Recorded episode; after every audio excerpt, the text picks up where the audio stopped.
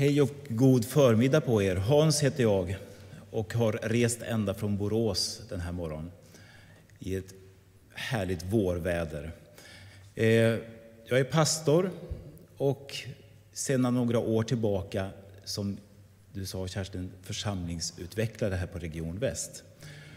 Så normalt så möter jag styrelser och medarbetare och ställer frågor allt vad jag kan och lyssnar så mycket jag kan. Det är liksom mitt stora uppdrag och så försöka leda på något sätt framåt.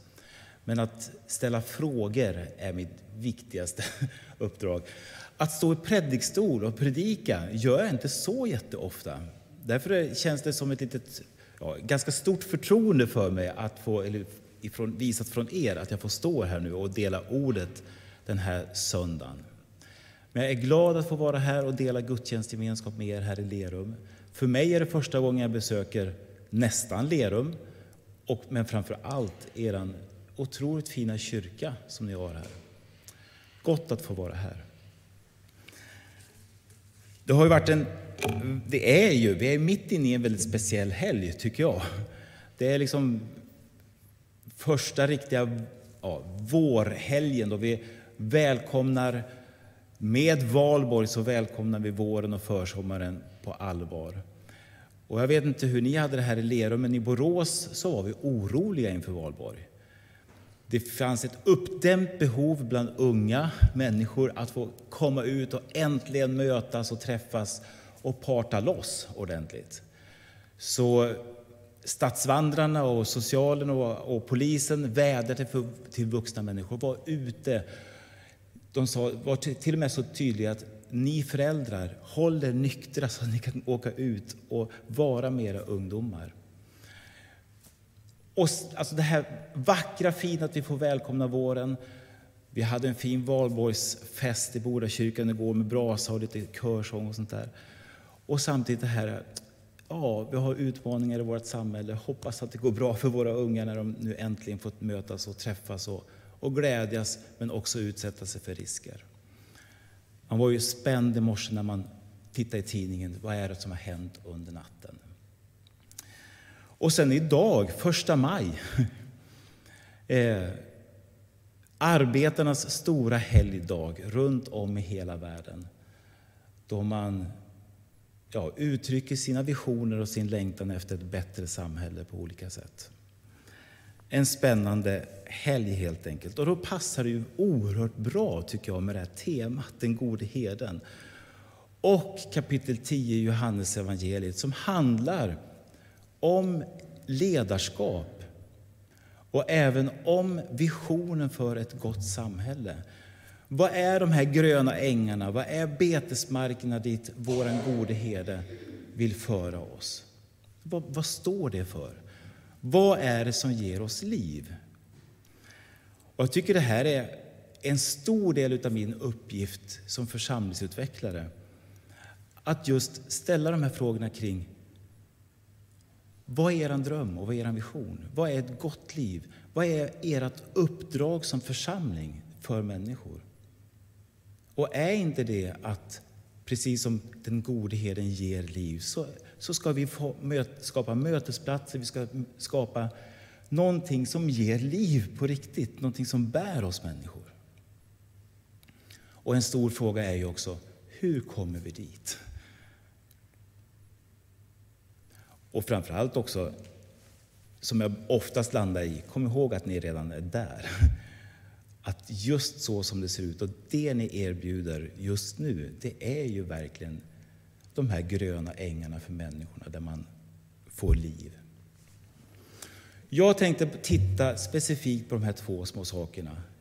Lite grann om ledarskap och lite grann om visionen. Vad är det vi som församlingar kan skapa och ge människor? Låter det som en bra deal? Det gör det. Jättebra. Kan vi bara knäppa händerna igen och så tacka för att det är söndag och tacka för att vi får vara tillsammans med varandra.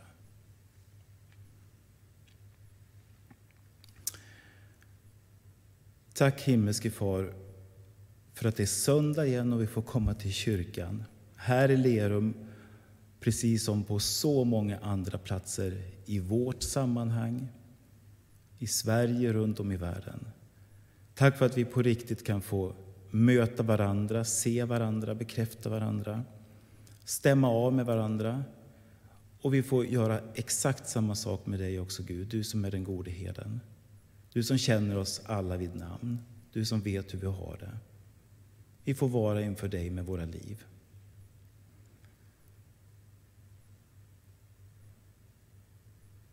Bär mina tankar.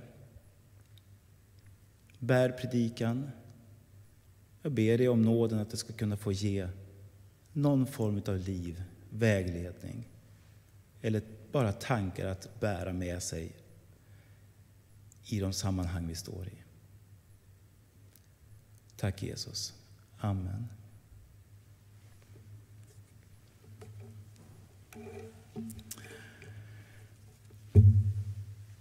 Innan jag kom till Borås så bodde jag och min fru och vår lilla dotter som heter Ella, vi bodde i Ecuador i tre år. Vi var utsända av Missionsförbundet och SMU och jobbade med metodutveckling och framförallt med scout.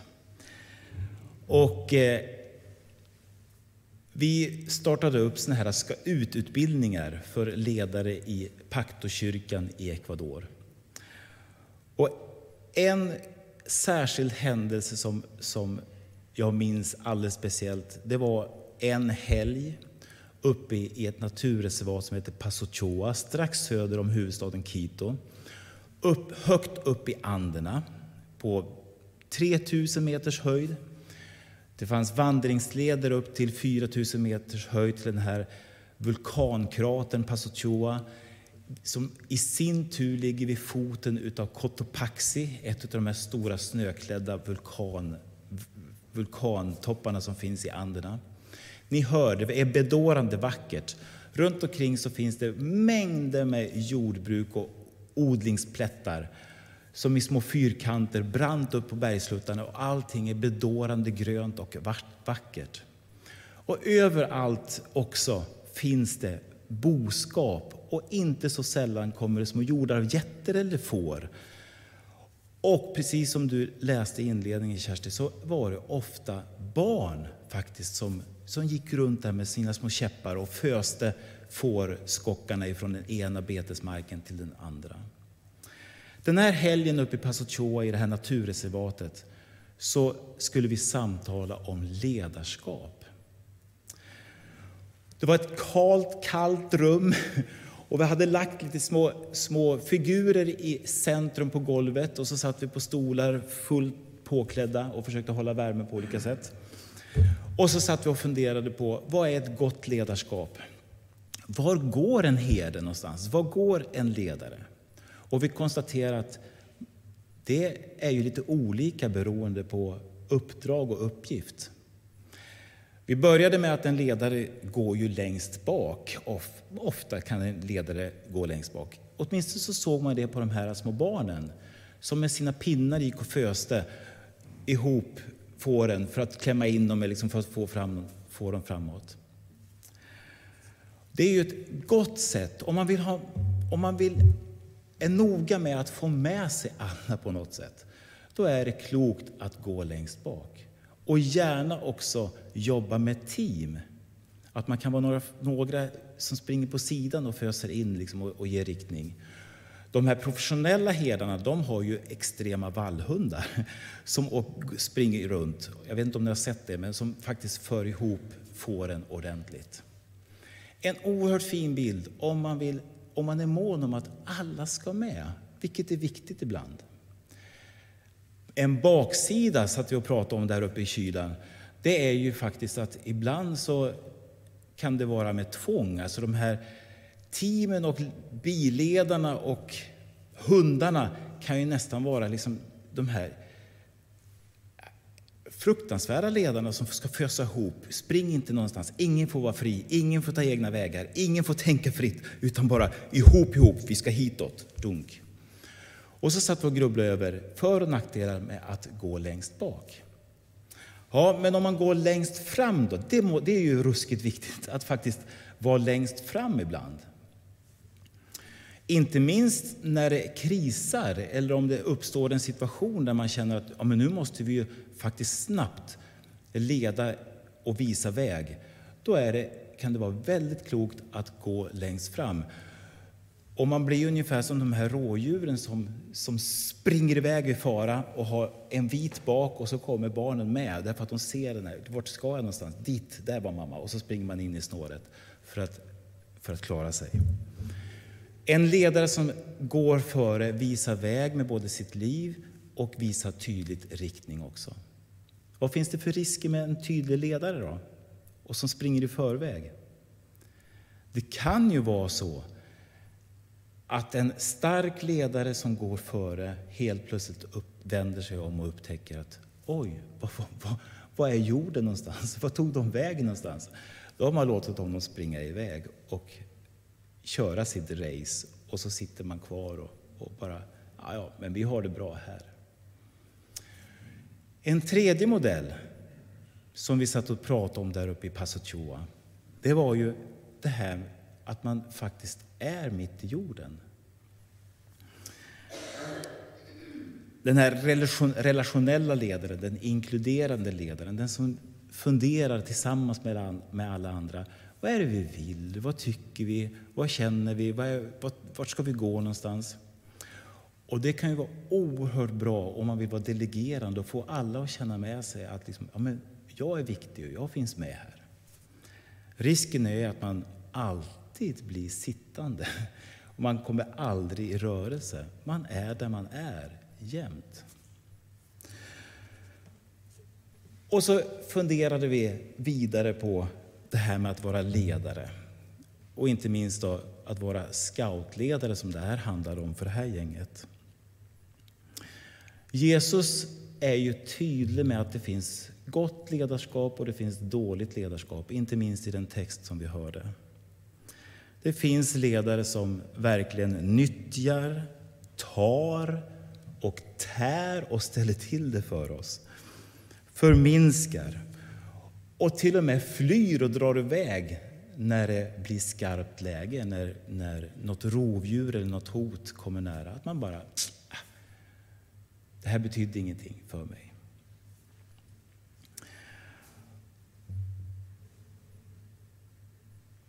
Och vi, har, vi känner ju av det här med hemska ledarskap just nu i vår värld. Som du antydde också i inledningen så fint. Vi, vi lider ju med människor och vi lider indirekt också utav av extremt dåligt ledarskap. Putin som verkligen är den här despotiska ledaren som bara ska förgöra och vi, man, man, bara fattar ju inte vad det är som pågår. Man bara fylls av enorm sorg och enorm vrede över hur fruktansvärt dumma vi kan vara, vi människor. Och så har vi den här Zelensky som säkert har sina sidor också, men som är lite grann utav det ledarskapet, inte så lite heller. Det ledarskapet som Jesus som herden visar på. Jag finns här, jag är närvarande. Jag känner mina får vid namn, jag vet vilka ni är. Jag finns kvar, även när rovdjuren kommer så står jag här och finns kvar. Det är liksom på globalt och vi känner av det här med ledarskap är fruktansvärt viktigt. Jag minns första gången jag kom i kontakt med ledarskap så var det någon som formulerade att världens problem är inte fattigdom, det är inte brister och det är inte sjukdomar och sånt där, utan världens största problem det är just bristen på goda ledare som kan det här med att se behov, fördela resurser och som faktiskt är engagerade och vill någonting på riktigt.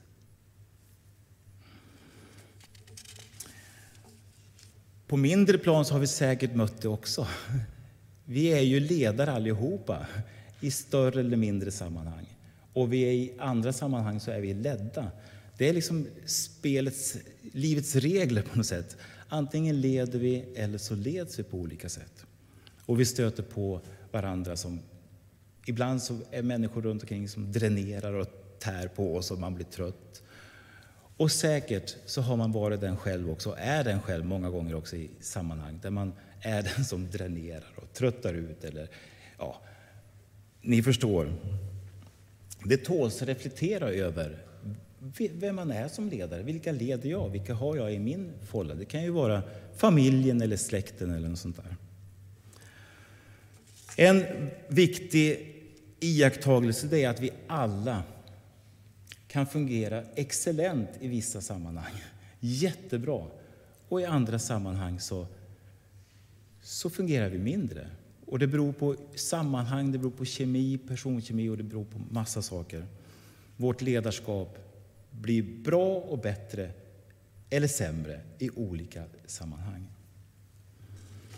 Där uppe i Paso med mina nyblivna scoutledare så samtalade vi också om ledarkultur i samhället och i kyrkan. Och vi pratar om hur man i Ecuador där i slutet av 90-talet led av, alltså hela samhället led av en hierarkisk, extremt hierarkisk och korrumperad struktur i samhället. På alla plan. Och det, här det här var någonting som också självklart påverkade kyrkan. De var inte fria från det här. Hur mycket en, av ett ledarskap handlar om att bevaka sin position. Att man alltid hade någon ovanför sig som man skulle böja sig över, under och att man alltid hade någon under sig som man skulle nyttja på något sätt. Det var, det var, det var de här relationerna man levde i. Man böjde sig inför de som stod över och man tryckte ner och nyttjade de som stod under. Det var hierarkiordningen. Och att många gånger så verkar det som att den viktigaste egenskapen för en, led, för en god ledare, det var inte logistik och fördelning och så, utan det var att kunna prata bra, att skaffa sig en position och plattform, att få bli bekräftad. Ett viktigt och gott samtal som jag bär med mig än idag om ledarskap. Och jag minns hur laddat det var i det här gänget, och även i mig också, efter samtalet, när vi till slut förenades i Franciscus bön om frihet, om frid på kvällen. Som lyder så här. O Mästare, en del utav den. Låt mig icke så mycket söka att bli tröstad som att trösta. Inte så mycket söka att bli förstådd som att förstå. Inte så mycket att bli älskad som att älska. Ty det är genom att ge som man får.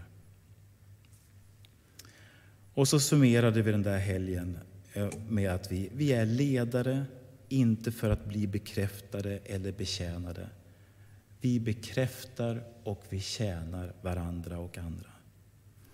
Vi leder och vi behöver själva bli ledda. Vi utnyttjar inte och, vi, och så vidare. Goda tankar om ledarskap. Känns det okej? Okay? Inget, inget märkvärdigt, värdigt, inget nytt, men det kan vara gott att påminna sig om att det finns olika modeller för ledarskap. Och att vi alla är ledare på något sätt. Och att vi ibland är bra och ibland sämre. Och att det får vara så. Bara man lever med en självreflektion. Vad gör jag och vem är jag i olika situationer? Och skapa ett gott klimat av samtal för det. Kort hörni, visionen om de här gröna ängarna. Vad är det som ger liv? Vad är det som ger bete? Som vi kan må gott utav. Också någonting kanske väldigt enkelt och basalt, men någonting, att, någonting bra att påminna sig om. Och jag vill lyfta fyra begrepp. Jag skulle kunna lyfta upp det här med WHOs existentiella hälsa och deras, deras åtta områden som de har ringat in som är viktiga bidrag för, till oss människor för att vi ska känna att vi, vi lever och mår gott. Men för några år sedan så stötte jag på en, en, en man som höll på med organisationsutveckling och ledarskap och arbetslivspsykologi. Och en jättestor undersökning hade gjorts bland människor som, på olika arbetsplatser.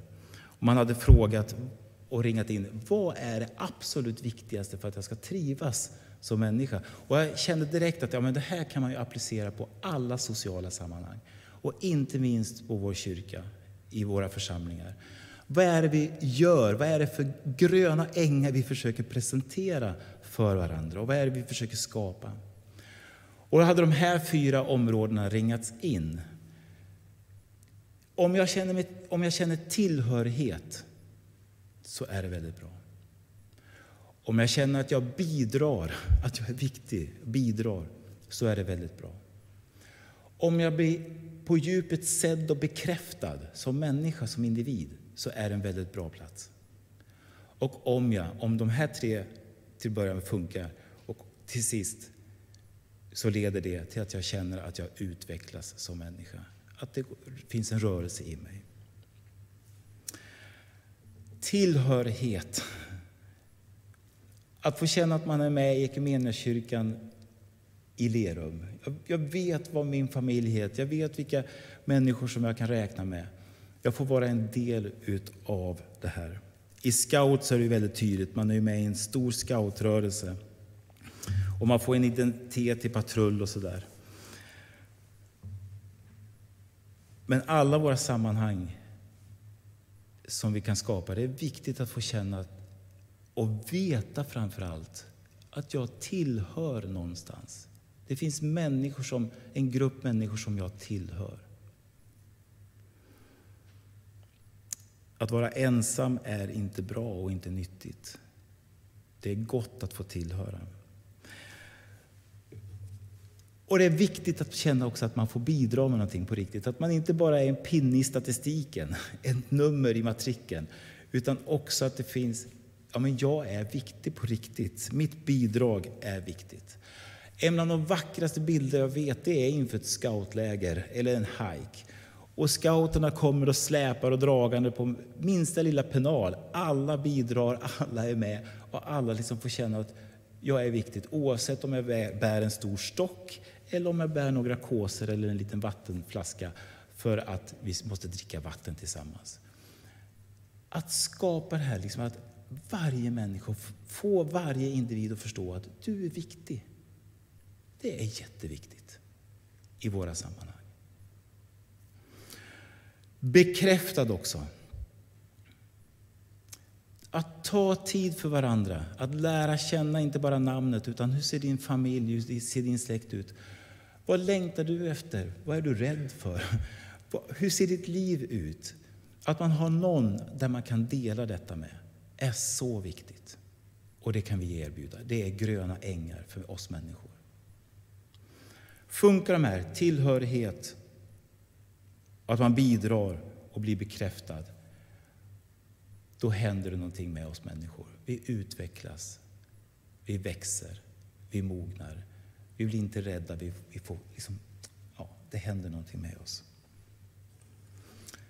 Skulle det kunna vara en fin bild för en grön äng? Det kan, några nickar. Man kan få samtala med mig efteråt om det här och komplettera det här. Det här är att få leva i uppåt, i de här goda relationerna som, som vi har. Gudsrelationen, att leva utåt i samhälle och omvärld, den relationen är så viktig. Och att vi får leva inåt med våra närmsta relationer. Det här är för mig församlingsutveckling. Det är det här som vi församlingar behöver lära oss att skapa för varandra och andra. Lära oss att leva i relationerna, ge tillhörighet, få människor att känna att de är viktiga, lära känna dem vid namn, intressera sig för dem. De är bekräftade och det händer någonting väldigt vackert och fint.